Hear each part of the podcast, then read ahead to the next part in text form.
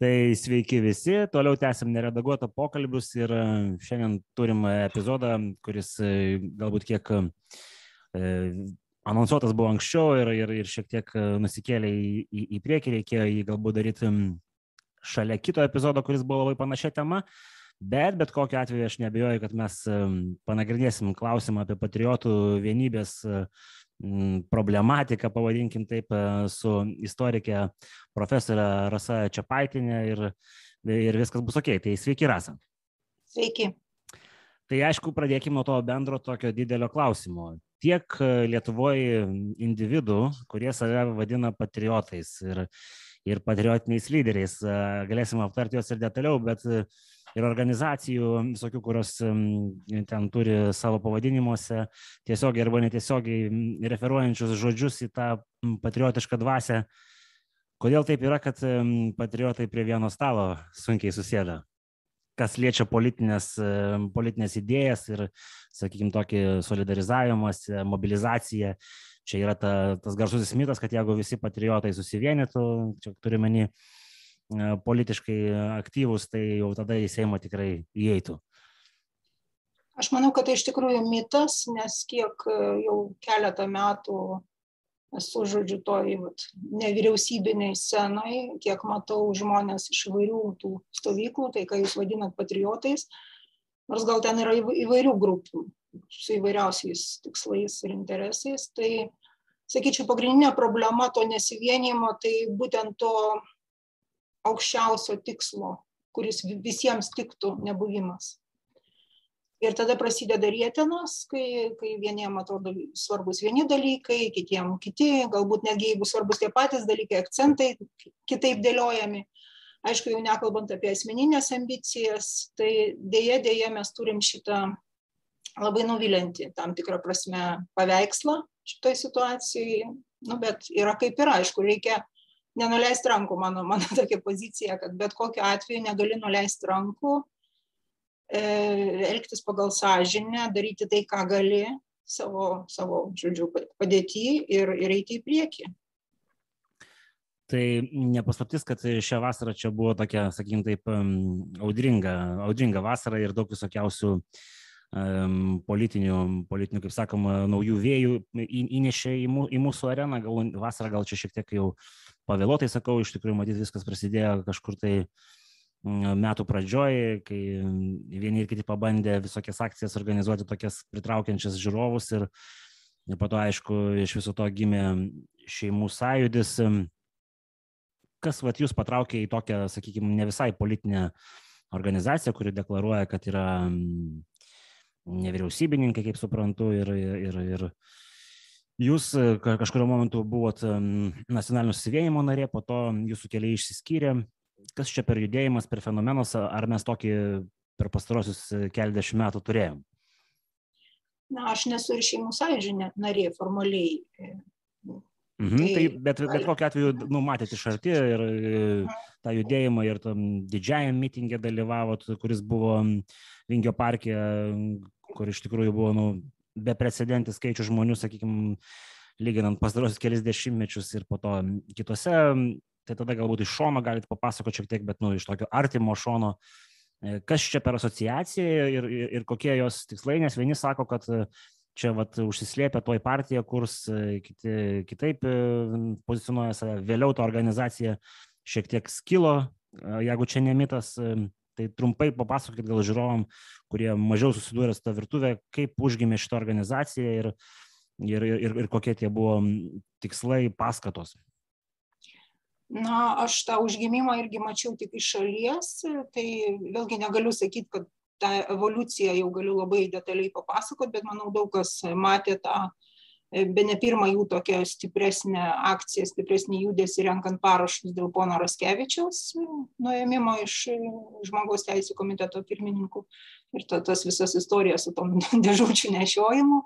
Paskui, žinoma, Vingio, Vingio parkas ir, ir pasiruošimas Vingio parkui, dalis mūsų partijos, kai aš tuo metu dar priklausiau nacionaliniam susivienimui, labai palaikė ir kiek aš žinau palaiko šitą idėją ir, ir tada gaunasi toks šiek, šiek tiek šizofreninė būklė, kadangi partijos vadovybė kažkodėl iš pat pradžių labai įtariai pažiūrėjo šitą naujai gimstantį darinį ir apskaitai judėjimą.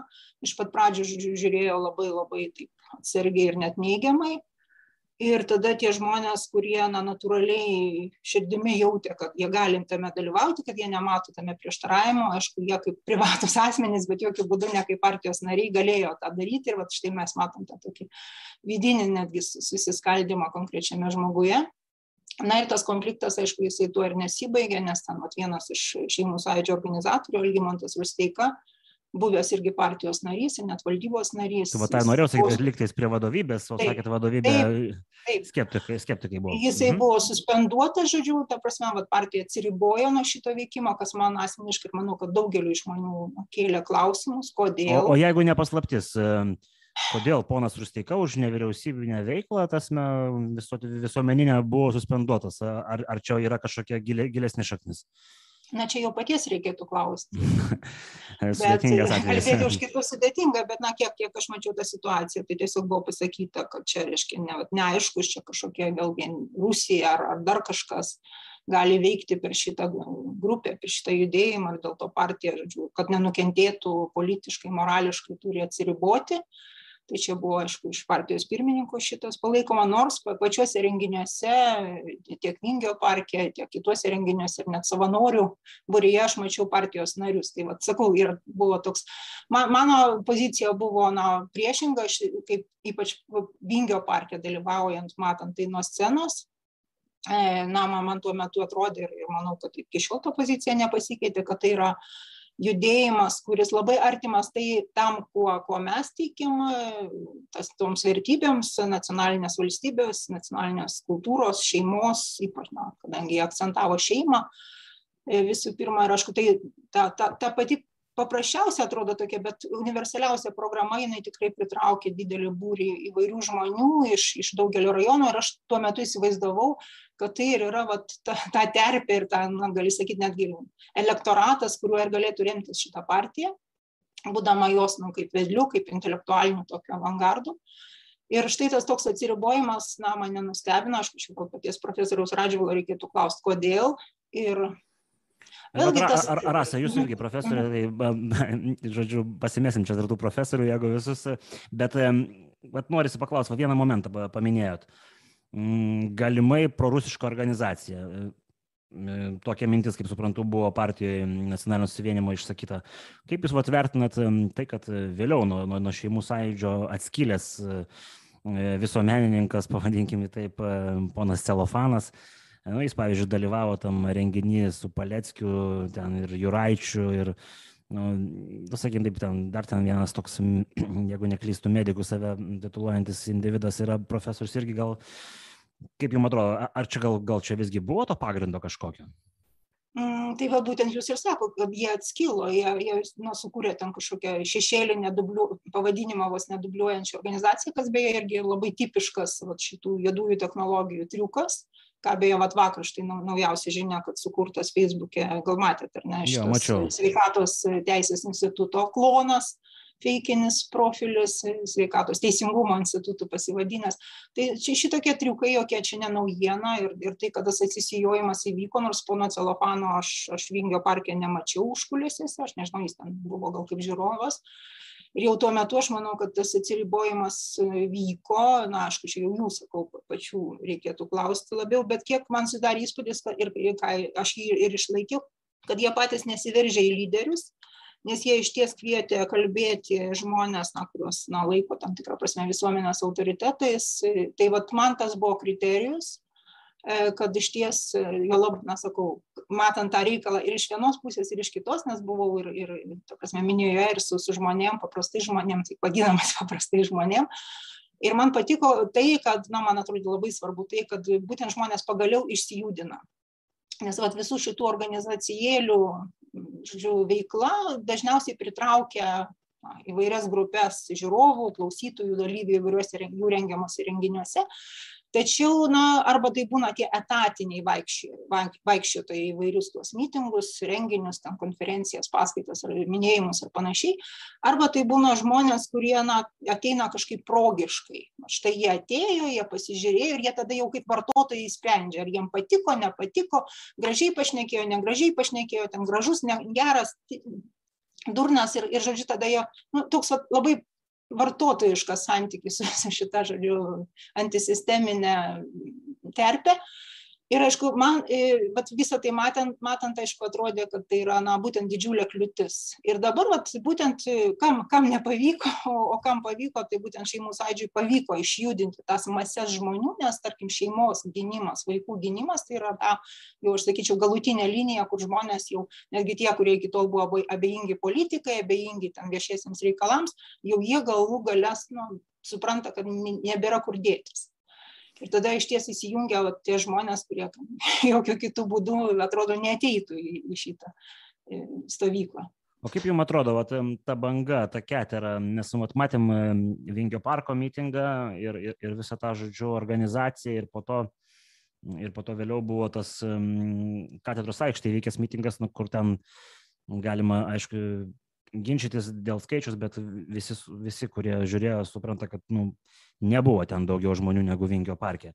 Kaip jums atrodo, ar, ar čia kažkokios vidinės rėtinos įtakoja šitą, ar čia dar kažkas trukdžiai iš, iš nežinau, mūsų struktūrų ar valdžios institucijų? Taip, aš manau, kad labiau antrasis variantas, kadangi organizacija buvo panaši, esminiai dalyviai buvo panašus, bet vat, būtent tai, kad e, jeigu valdžios na, toj, stovyklai ar ne, pro, pro valdančiųjų. Pats Vingio parkas jau jisai kėlė didelę alergiją ir tengi buvo mestos didžiulės informacinės pastangos diskredituoti iš anksto ir, ir kai tai, tai nepavyko ir tada buvo, na, tas tikrai labai stiprus toks impulsas daugeliu žmonių, kurie net nedalyvavo jau, jau į tai atsisukti. Tai matyt, jau būtų pradėta ieškoti priemonių neutralizuoti šitą kylančią bangą, kaip jūs sakote, ir kažką su tuo daryti. Ir manau dėja, kad tam pasitarnavo tas rūpiučio dešimtosios mitingas, nors jį, jo neorganizavo šeimų sąjūdis. Jo, tai visi, kurie domisi, žino, kad ten buvo Taip. Astros ir kompanijos organizuotas. Taip, ir, ir ten jau buvo šiek tiek kitas formatas, kuris ir mane pačią irgi ir nustebino, šiek tiek ir nuvylė, kadangi, kaip buvo tartasi su organizatoriais dėl galimybės kalbėti nuo scenos, tai buvo aiškiai pasakytas sąrašas žmonių, kurie kalbės ir, na, žodžiu, buvo pritarta tam sąrašui ir dėl to na sudalyvavus tam renginy ir po to na turėjau reikalų teko išeiti gana anksti aš buvau nemaloniai nustebinta kad ten reiškia paskui buvo leidžiami visi ir skaitant ten visokius tikrai prorusiškus veikėjus ir tada tas šešėlis buvo mestas vėlgi visiems kalbėtojams. E, Ir galiausiai va tos vadinamosios riaušės, kurios, na vėlgi klausimas, man, man turėčiau versiją, kad tai visgi labiau valdžios organizuoti, nes jai vieninteliai naudingas dalykas. E, nepaisant to, kad, manau, tikrai buvo likę po, renginio žmonių, kurie norėjo pasikalbėti su parlamentarais, parlamentarai ten bijojo, dalis nebijojo, išėjo kalbėti, žodžiu, toks vyko chaosas ir vat, po to, aišku, atsirado ta galimybė, tai prieš priešai įvykti ir matyt dėl to rugsėjo 10 ruošiantis jau valdžia dėjo maksimalias pastangas, ką mes irgi matom su, su, tom, su tais visais aptverimais, su tais kyborgais, su tais ten, nežinau, moterų rankinukų ir vyrų koprinių ir vaikų ten, žodžiu, tašiukų tikrinimais, kas yra nu, iki visiško absurdo jau buvo prieita Gedimino prospekto užtvėrus. Ir aišku, vėlgi semantiškai žiūrint, labai jokinga, kai, tarkim, aptverta vyriausybė, yra tos nuotraukos, aš pati fotografavau, o kudirka, reiškia, himno autorius, vienas iš mūsų nacionalizmo tėvų, stovi, reiškia, šitoj pusėje. Vyriausybė jau nuo jo atsiribojus irgi, jis irgi jau ekstremistas. Tai nu, simboliškai, simboliškai gražu. Labai simboliškai, jie šito nepagalvojo, ne, ne, nepramastė. Tai va, tai ir tai, kad, aišku, vėlgi jie neteisėtų būdų, ką dabar jau ir įrodė teismas, perkelė vietą šito renginio į katedros aikštę. Uh, ir, ir galų galę na tai, kad ateina informacija, kad žmonės buvo stabdomi pakeliu į Vilnių ir apgrėžinėjami. Vat šitą, informa šitą, šitą, šitą informaciją, nes, nu, realiai jinai kažkur tai neišlindo į viešumą, liko kuluaruose ir, sakykime, tose vadinamosiose nesisteminėse žiniasklaidos priemonėse. Kiek vat atėjo tų, nežinau, atsiliepimų, žinučių, kad mūsų stabdė, mūsų neįleido, ar yra kažkokie skaičiai, gal organizatoriai? Šito aš ne, nežinau, specialiai nesidomėjau, bet tokius įrašus aš mačiau, kur žmonės patys liūdėjo, kad jie buvo sustabdyti arba jų artimieji buvo sustabdyti važiavę į Vilnių. Ir kažkodėl, mhm. reiškia, ne, laisvoji šalyje negalėjau pasiekti sostinės. Labai įdomu. Dar yra vienas momentas, šiek tiek pagrįžtant istoriškai, daug ką labai neskaniai nuteikė, e, čia dar prieš Vingio parką. Buvo tokia įdomi, žodžiu, įdomus susibėgimas vieno dienraščio praeitie pakankamai didelio ir, ir įtakingo, dabar gal šiek tiek mažiau būstinėje ir jos vadovas ten, kaip suprantu, buvo organizatorius. Ir ten buvo tokia marga auditorija ir, ir, ir tie pokalbiai. Kaip pat jūs, kaip akademikė, intelektualė, va, tas, tas pasitarimas, pavadinkim taip, kuris vyko pas Tomku redakcijoje nuteikė aš tiesą sakant, šitą nelabai gilinausi, negalėčiau konkrečiai atsiųsti. Supratau, nematėt, nu aš jums atsiųsiu nuorodą, aš turiu įsisaugojęs, nes YouTube nėra ten istorinis toksai pasitarimas, galėsit užmestakį. Gerai, tada užduosiu dar klausimą, kadangi vat, neseniai kalbėjau su nacionalinio suvienio pirmininku ir pagrindinė kritika, kurią jisai pateikė, tai kad toks judėjimas neturi programos, neturi įrankių ir nieko negali pasiekti. Kaip jums atrodo, dėl, dėl tos programos, įrankių politinių, E, ar tai yra būtinas tokioje fazėje mechanizmas, ar šita organizacija pasmerta kažkurioje vietoje, žodžiu, užstrikti, kaip, kaip jums atrodo? Na, kiek aš žinau, programą jie turi, kiek teko matyti. Nu, tai, nu, sakom, to, tokia, tokia nepolitinė, sakykim, tokia labiau tokia su polėkiu, kurie nu, iš, išsako vertybės, bet taip, taip. ABC nėra, žodžiu, ką, ką būtų galima taip, padaryti. Taip, gal galia, na, vėlgi mes čia matom tą paradoksą, kai viena vertus jie bando veikti kaip visuomeninė organizacija siekinti politinių tikslų. Ir kita vertus jie atsiriboja nuo to jau politinio veikimo tą tradicinę prasme, ne, kuriant politinę partiją. Tai, bet, čia, bet čia yra apskritai gal mūsų politinės kultūros problema, kad apskritai matom iš, statist, iš šitų sociologinių tyrimų, kad žmonės labai nepasitikė partijomis.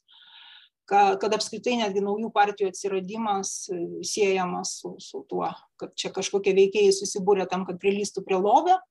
Idealizmas atmetamas iš principo kaip kažkas, na, žodžiu, makaronų kabinimas, kad ne, negali būti, žodžiu, žmonių, kurie nuoširdžiai kažko norėtų pakeisti, jo lab turėtų kažkokias tai, nežinau, priemonės, supratimą, žinias, gebėjimus pakeisti, galų galę, na, lyderystės e, klausimas, kad vieniems ten patinka, kitiems nepatinka, ir, ir galiausiai na, ta, prie, prieimo prie žiniasklaidos problema, kadangi yra didelis ribojimas ir, aišku, tie, ne tik ribojimas, kad tiesiog apie juos nežino, bet yra ir labai neigiamas informacijos išskleidimas apie žmonės, kurie netitinka žodžiu, tos vyraujančios sistemos vertybių siekių ir panašiai. Nu, okei, okay, palikim šeimų sąjūdį šonę šiek tiek. Taip, šiek tiek, šiek, šiek tiek aptarėm. Jo, jūs nesate jų atstovė, tiesą sakant, visi, kurie uh, kurie dabar žiūrit ir kuriam kyla klausimų, kodėl mes su šeimų sąjūdžiu nekalbam apie šeimų sąjūdį, tai aš matyt privalau pasakyti, kad beveik visi buvo kviesti, kurie yra šeimų sąjūdžio pavadintam aktyvę. Vienintelis Orlauskas uh, dalyvavo ir, tiesą sakant, pakankamai išsamei tuo metu papasakojo kai kurias pozicijas, bet uh, E, tiek su ponu Rusteika, tiek su ponu Viktoru, kurie galbūt daug reiškiasi Facebook'e, dėja yra problematiška. Tai gal mes kada dar pašnekėsim, bet duotuoju momentu tenka per aplinkui aiškinti šitos organizacijos tikslus. Tai kita tokia organizacija, kuri, arba neformalus judėjimas, nežinau kaip pavadinti, Helsinkio grupė 2.0. Kas čia per mm, tikslai ir, ir, ir, ir, ir, ir grupė, kurią jūs, kaip suprantu, ir pati priklausot? Taip, taip, e, mes tiesiog susibūrėme tą grupę. Tikslai, kaip matom, reaguoti į vis blogėjančią situaciją žmogaus teisų srityje Lietuvoje.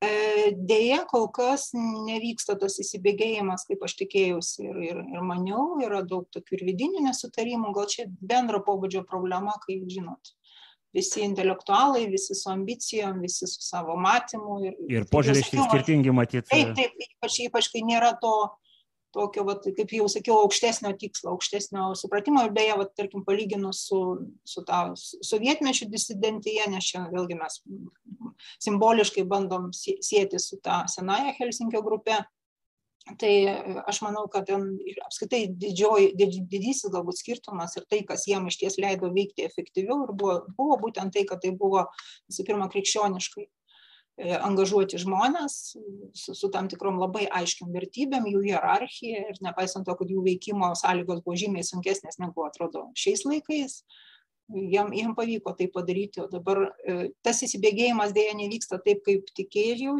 tikėčiausi e, ir kaip norėtųsi, bet na, pastangos yra. Čia vat yra toks Patreono klausimas, grinai techninis, aš tiesą sakant, ne, ne, neverifikavau, žodžiu, istorinio fakto, bet jums galbūt tai nebus naujiena. Ir klausimas tai skamba taip, ką naujoji Helsinkio grupė mano apie senosios Helsinkio grupės pretenzijas nenaudoti Helsinkio vardo ir kaip apskritai Lietuva, nebūdama Helsinkio Accords 75 metų subjektų, gali remtis tuo akto susitarimais. Ar čia galėtumėt kažką pakomentuoti, ar tiesiog praleidžiam šitą klausimą? E, galiu pakomentuoti, kadangi jis iškyla iškart, kai mes viešai pasiskelbėme, kad susikūrėme.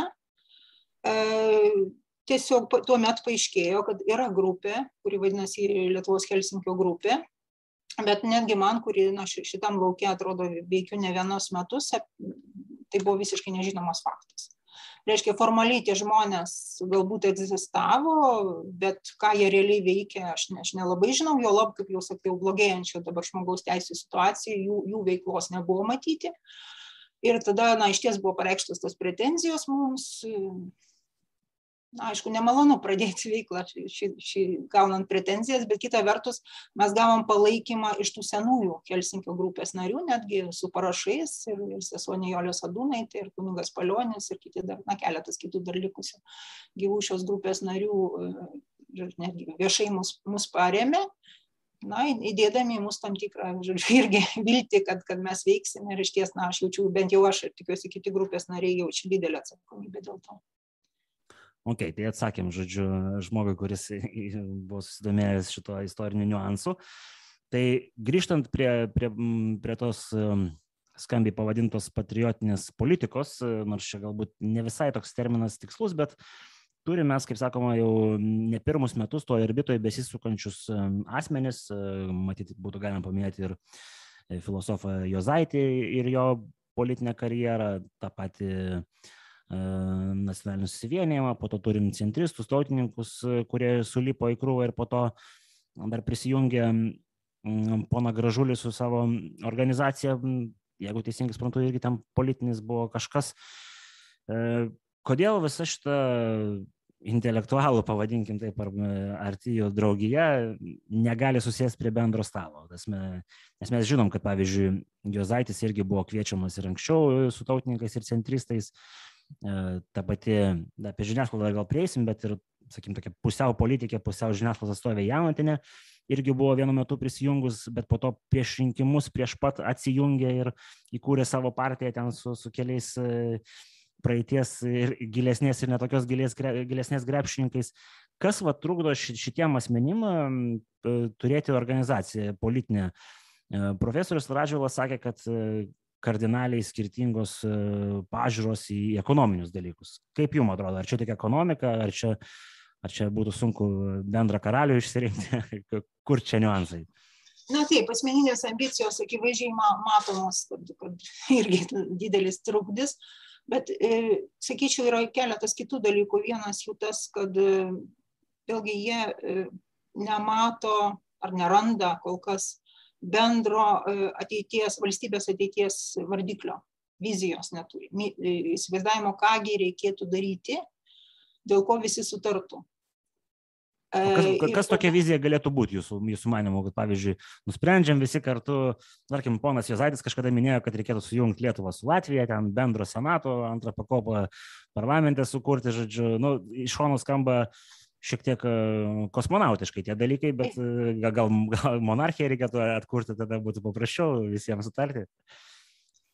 Čia yra kita problema, nes, na, vėlgi, visa šita, kaip jau sakau, terpė, e, na, turi vieną tokią stipriąją pusę, kad visi mes esame puikus diagnostikai, ar ne, mes puikiai galime vardinti dabarties problemas, kas yra blogai, parodyti pirštų, ar ne, bet ką daryti realiai, kaip išeiti iš šitos situacijos, nes, na, Tai yra na, sisteminiai dalykai. Ir net globalūs dalykai, kurie čia Lietuvoje tik gauna tuos lokalius pavydalus, atsakymo nėra ir nežinau, ar jis ateityje bus. Ir vat, galbūt problema ta, kad mes nedrįstame ir nemokame savo šito pripažinti.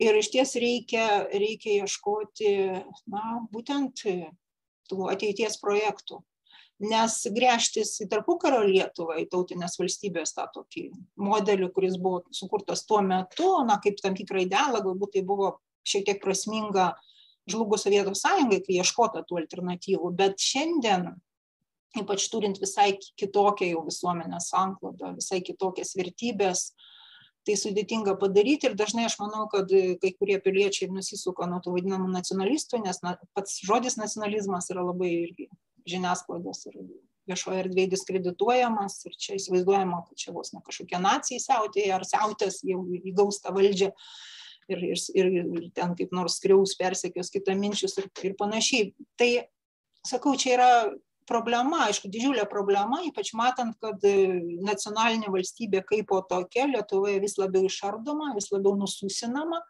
vis labiau pakeičiama kažkuo kitu ir tos alternatyvos nepasiūlymas šitoj vietoj yra na, mūsų apskritai egzistencijos klausimas. Kaip jums atrodo, ar, ar čia yra kažkokių pavyzdžių, tarkim, Europoje, nežinau, ten Lenkai, Vengrai, Čekai, dar kažkas, iš ko mes galėtume kažkokį pavyzdį modeliuoti?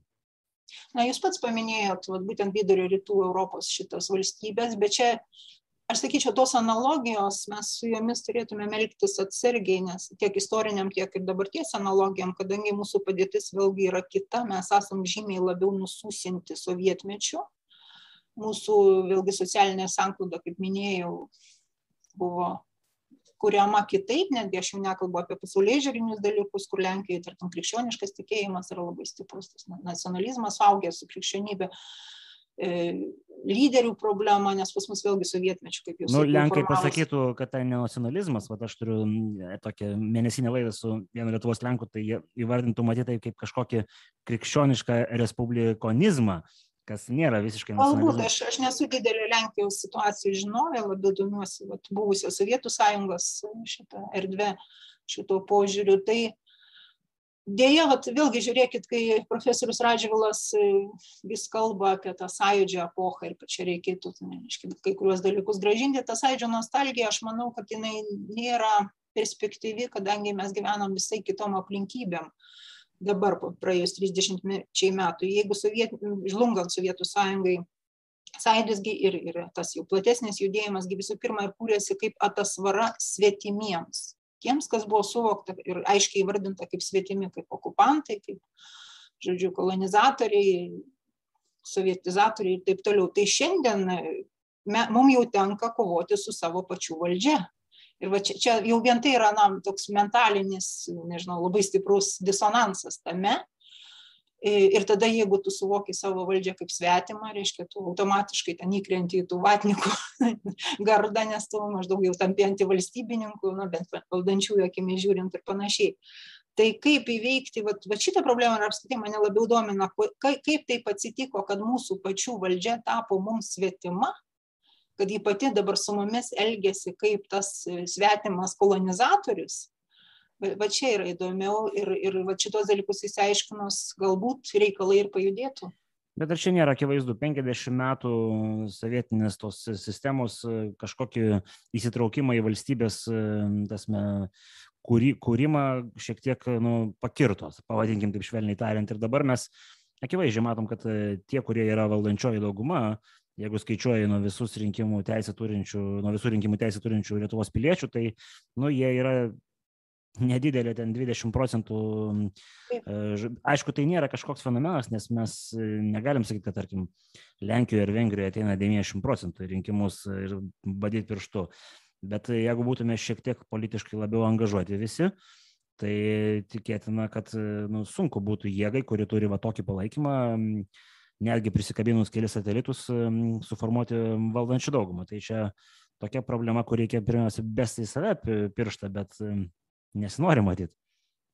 na tiesiog mes pastaruoju keletą net keliolika metų matom tą valdžios koncentraciją tam tikrų grupių rankose tiek tiek politinė tiek finansinė tiek informacinė netgi valdžia ne teisėsauga aš jau nekalbu apie tai ir tada neišvengiamai atsiranda tie dvejopi standartai ir požiūris į piliečius jų skirstymas į savus ir nesavus o dėl teisėsaugos jūs, jūs manot kad lietuvoje mes turim nuo valdžios priklausomą teisėsaugą ar čia kai kalbam teisėsaugą tai dažniausiai turime omeny visai galbūt tasme tokį atskirą fenomeną tai konstitucinį teismą na žiūrėkit aš aš dabar galvoju kiek lietuvoje yra buvę polic politinių e, šitų teisinių procesų kuriuose būtų nuteistas realia bausme koks nors politikas pagautas su, su korupciniais dalykais pono masiulio atvejis čia jau tok, tokia legenda klasika, ar ne?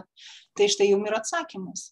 Aišku, galbūt yra žemesnėse grandise ir kokiuose ten kartais visuomenės didesnio rezonanso sulaukiančiose bylose yra galimybė pasiekti tą teisingumą. Bet dažnai tas teisingumas būna vėluojantis na kaip ir grįžtant prie tų mitingų ar ne štai valdžia nusprendė atšaukti leidimus arba ten perkelti į kitą vietą ir ką paskui teismai priėmė šeimų sąjūdžiui palankius sprendimus bet kas iš to tai buvo jau praėjus keliam mėnesiam. Gal, liet, gal, gal lietuva turi labai talentingų teisininkų advokatų kuriuos galima pasisamdyti. Čia gal problema yra kad mes per daug gabūs šitoj profesijai kaip tauta. Bet kita vertus to tokių institucijų kaip sveikatos teisės instituto atsiradimas ir pono vėgėlės viešoji veikla rodytų kad teisininkai profesionalai jau jau sujuda ginti asmens ir piliečių teises nes matom kad yra sisteminiai pažeidinėjimai jau nebeeina kalba apie kažkokius pavienius piktnaudžiavimus valdžia vat aš dažnai girdžiu tą, tą, tą žodį sisteminiai, antisisteminiai. Va čia jūs kaip istorikė matyt neleisit suklysti. Ar galima turėti, nusme, mes dažniausiai mūsų tos, sakykim, vadinamos marginaliosios jėgos, iš, iš, jeigu žiūrint iš, iš valdančiųjų perspektyvos, e, vadina mūsų valdžią sistema, žodžiu, prieš kovoti prieš sistemą reikia, bet valstybė yra sistema. Tai jeigu, tarkim, dabartiniai, e, taip vadinami marginalai taptų valdantieji, tai jie irgi turėtų remti sistemą. Ar galima priešinti sistemą, antisistemą, kai nurealiai pati valstybė, čia mes jau tada tampam uh, kaip kokie anarchistai, žodžiu, tas tokią terminologiją įsivedė. Čia vat vieną neseniai kalbinau išeis epizodas, tai ten iš vis um, sako, kad chaosas mus išgelbės.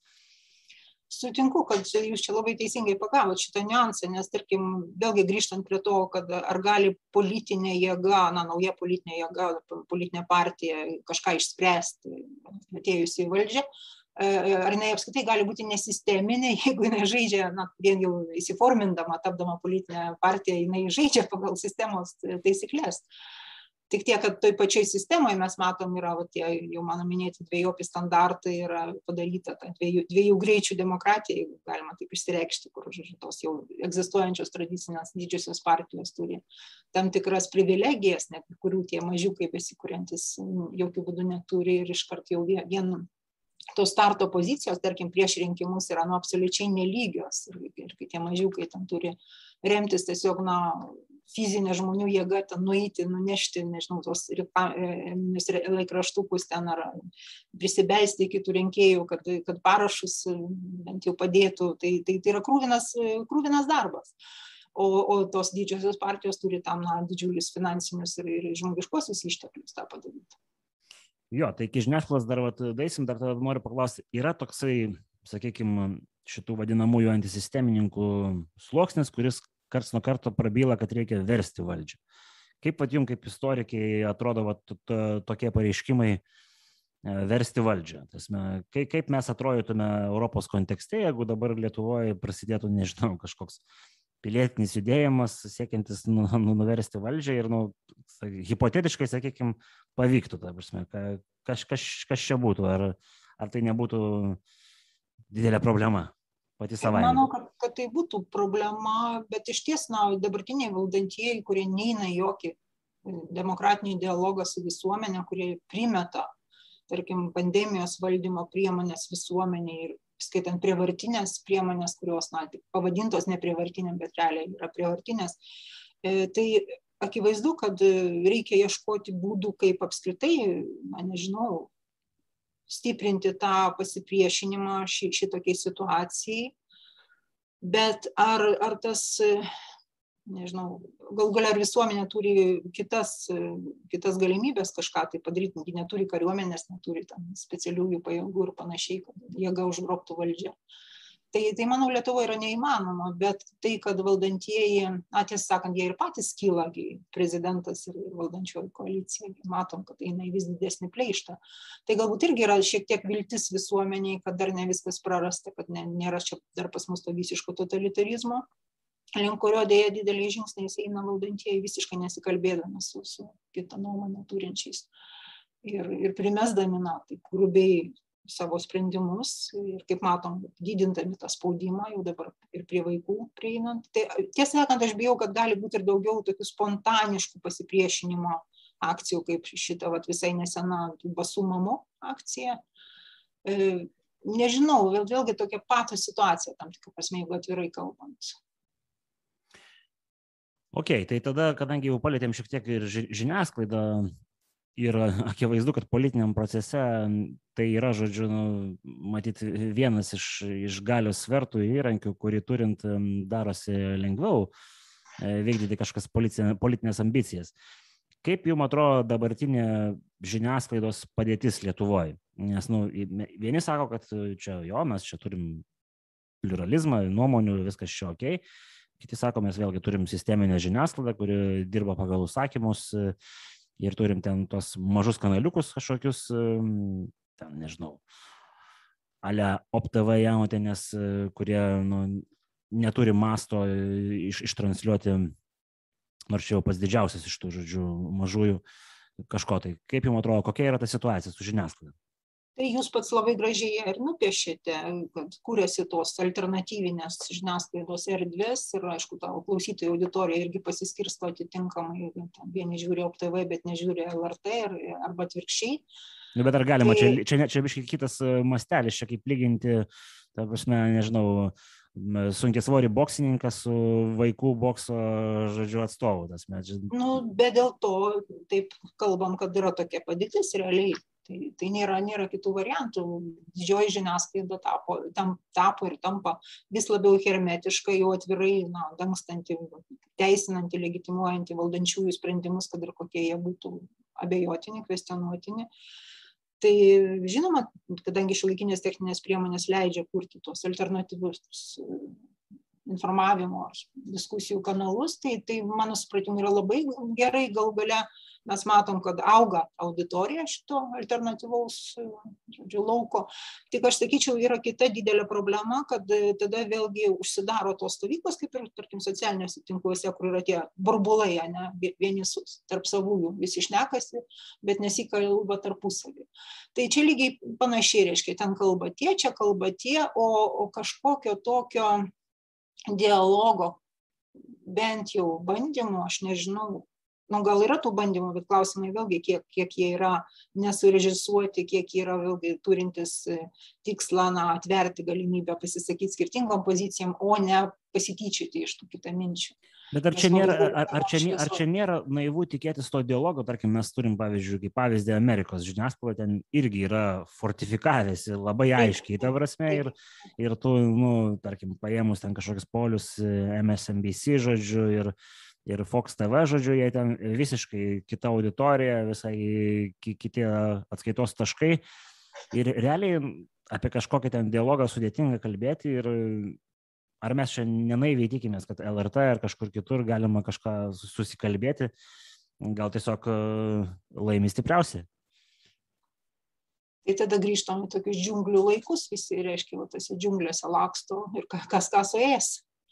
E, nu, vėlgi, manau, kad ta padėtis tiek Junktinėse valstijose, tiek, tiek Vakarų Europoje, tiek pas mus, jinai eina jau patologijos pusę. Taip, normalioj sveikoji visuomeniai, demokratiniai, pabrėžiu, visuomeniai, pluralistiniai neturėtų būti iš dalies tai yra išeitis va tų jeigu nebūtų tų alternatyvių kanalų aišku sakytume kad čia jau išvis totalitarinė viešosios erdvės kontrolė yra įvesta tas aišku yra gerai bet kita vertus kad sakau netgi ne tie susirenkantys ten alternatyvininkai jie irgi gi kalbasi tarpusavyje ir pritaria vieni kitiems nėra Kodėl tai blogai? Todėl, kad kai reikia imtis kažkokio konkretaus veikimo, žmonės na, neturi tų svertų, kaip rasti išeitį iš ginčio, kaip rasti išeitį iš konflikto. Nes arba tu, žodžiu, visus glostai, ten visi, visi savi, arba tu keikiai jau tuos, kurie svetimi. Tai vat, vat štai kur yra bėda. Ir bijau, kad jeigu eisi tą pusę, nu tai ką čia visi apsistatys tom, tom tvarom, ne, ne tik prie vyriausybės, kas yra labai pavojinga. Jo, tai kaip suprantu, ir šitoje vietoje mes diagnozuot galim, bet receptas yra sunkiau surandamas na aš tą receptą jau pasiūliau tiesiog kalbėtis kalbėtis nepuolant nekaltinant neprimetant kažkokių etikečių e, gal ir jūs čia galėtumėt prisidėti kviesdamas tarkim skirtingų pažiūrų žmones aptarti kažkokį konkretų klausimą. jūs galbūt prisidedam. darote tai labai šaunu labai šaunu. Jo, manau to tai reikėtų vis daugiau. Stengsimės, e, kaip sakoma, neužleisti šitų pozicijų.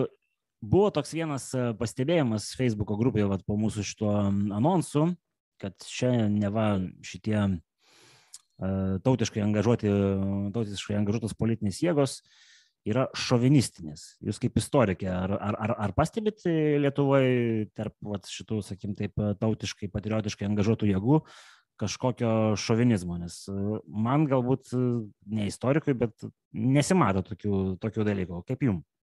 na man irgi nesimato nebent na aišku čia yra vėlgi toks būtų niuansas kalbant apie požiūrį į rusiją kai na yra žmonių kurie bet ką žodžiu kas siejasi su rusija iškart demonizuoja nors galim vėlgi aš būčiau linkusi atskirti visuomenę ir režimą. Tai tai nebent va šitas niuansas kai tarkim šovinizmas rusų atžvilgiu o ar ten kokių lenkų atžvilgiu nu labiau iš istorijos jau ateinantis. Bet šiaip tai tikrai nemanau ir galų gale tai gali būt tokie labai marginaliniai ir kažkokie to tikrai negausūs dalykai. Ok, tai tamstam, kurie čia buvo šitą klausimą iškėlę, man atrodo, istorikė pakankamai aiškiai atsa- atsakė, kad e, nėra tokio, tokio dalyko ir pakankamai keista, kad tai, kad tai iš tikrųjų net ir gimsta. Tai einant į pabaigą, dar vat norisi vieną kitą klausimą atsakyti žiūrovų. Spėjau, vienas jūsų pažįstamas e, Ramūnas Aušutas e, klausė, kad diskusijos pagimdė dar vieną klausimą pašnekovai. Gal jį turi kokį nors receptą, kaip gerus norus paversti veikiančią idėją. Nu, man atrodo, čia Ramūnas šiek tiek su, su humoru šitą klausimą užduoda, bet vis tiek pabandom atsakyti, ar čia tas receptas e, kažkoks e, gali būti gimstantis o taip. va. Vėlgi aš apie tai jau nekartą minėjau ieškoti bendro vardiklio kuris visus vienytų visiems būtų svarbus. Aš vat minėjau vienas iš tokių vardiklių gali būt šeima. Ir dėl to aš ir pozityviai vertinau šitą.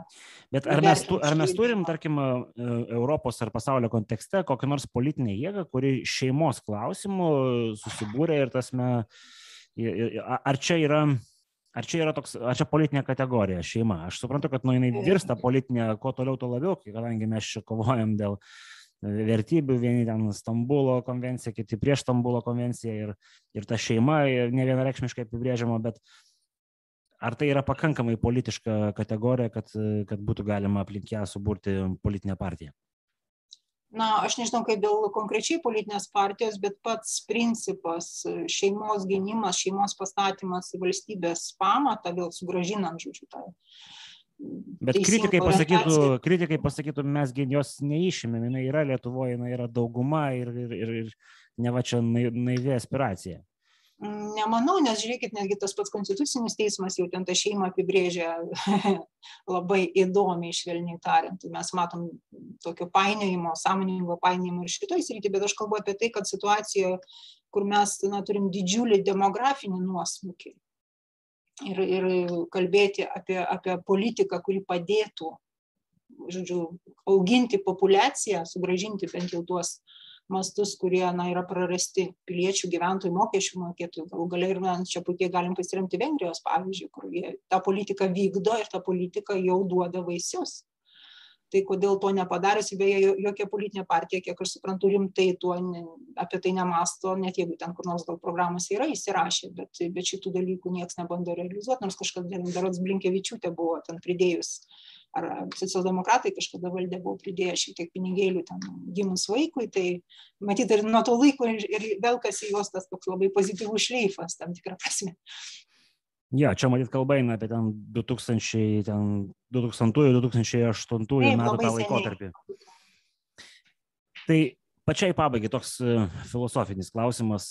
Turim tą vadinamą tylėją daugumą ir, nu, čia vat, klausytojas sako, kad galbūt šitą situaciją išjudins tylėją daugumą, bet aš vat galbūt šiek tiek perfrazuosiu klausimą, kaip jums atrodo, ką reikėtų padaryti, kad mes tą tylėją daugumą išjudintume ir ištrauktume iš tų politiškai neaktyvių 50 procentų Lietuvos e, gyventojų, kurie turi balsų teisę, kaip iš jų žodžiu, ištraukti, kad ir 10 procentų, kurie įsitrauktų ne tik ir ateitų rinkimus, bet ir e, dalyvautų kažkokios politinės organizacijos ar nevyriausybinės organizacijos veikloje.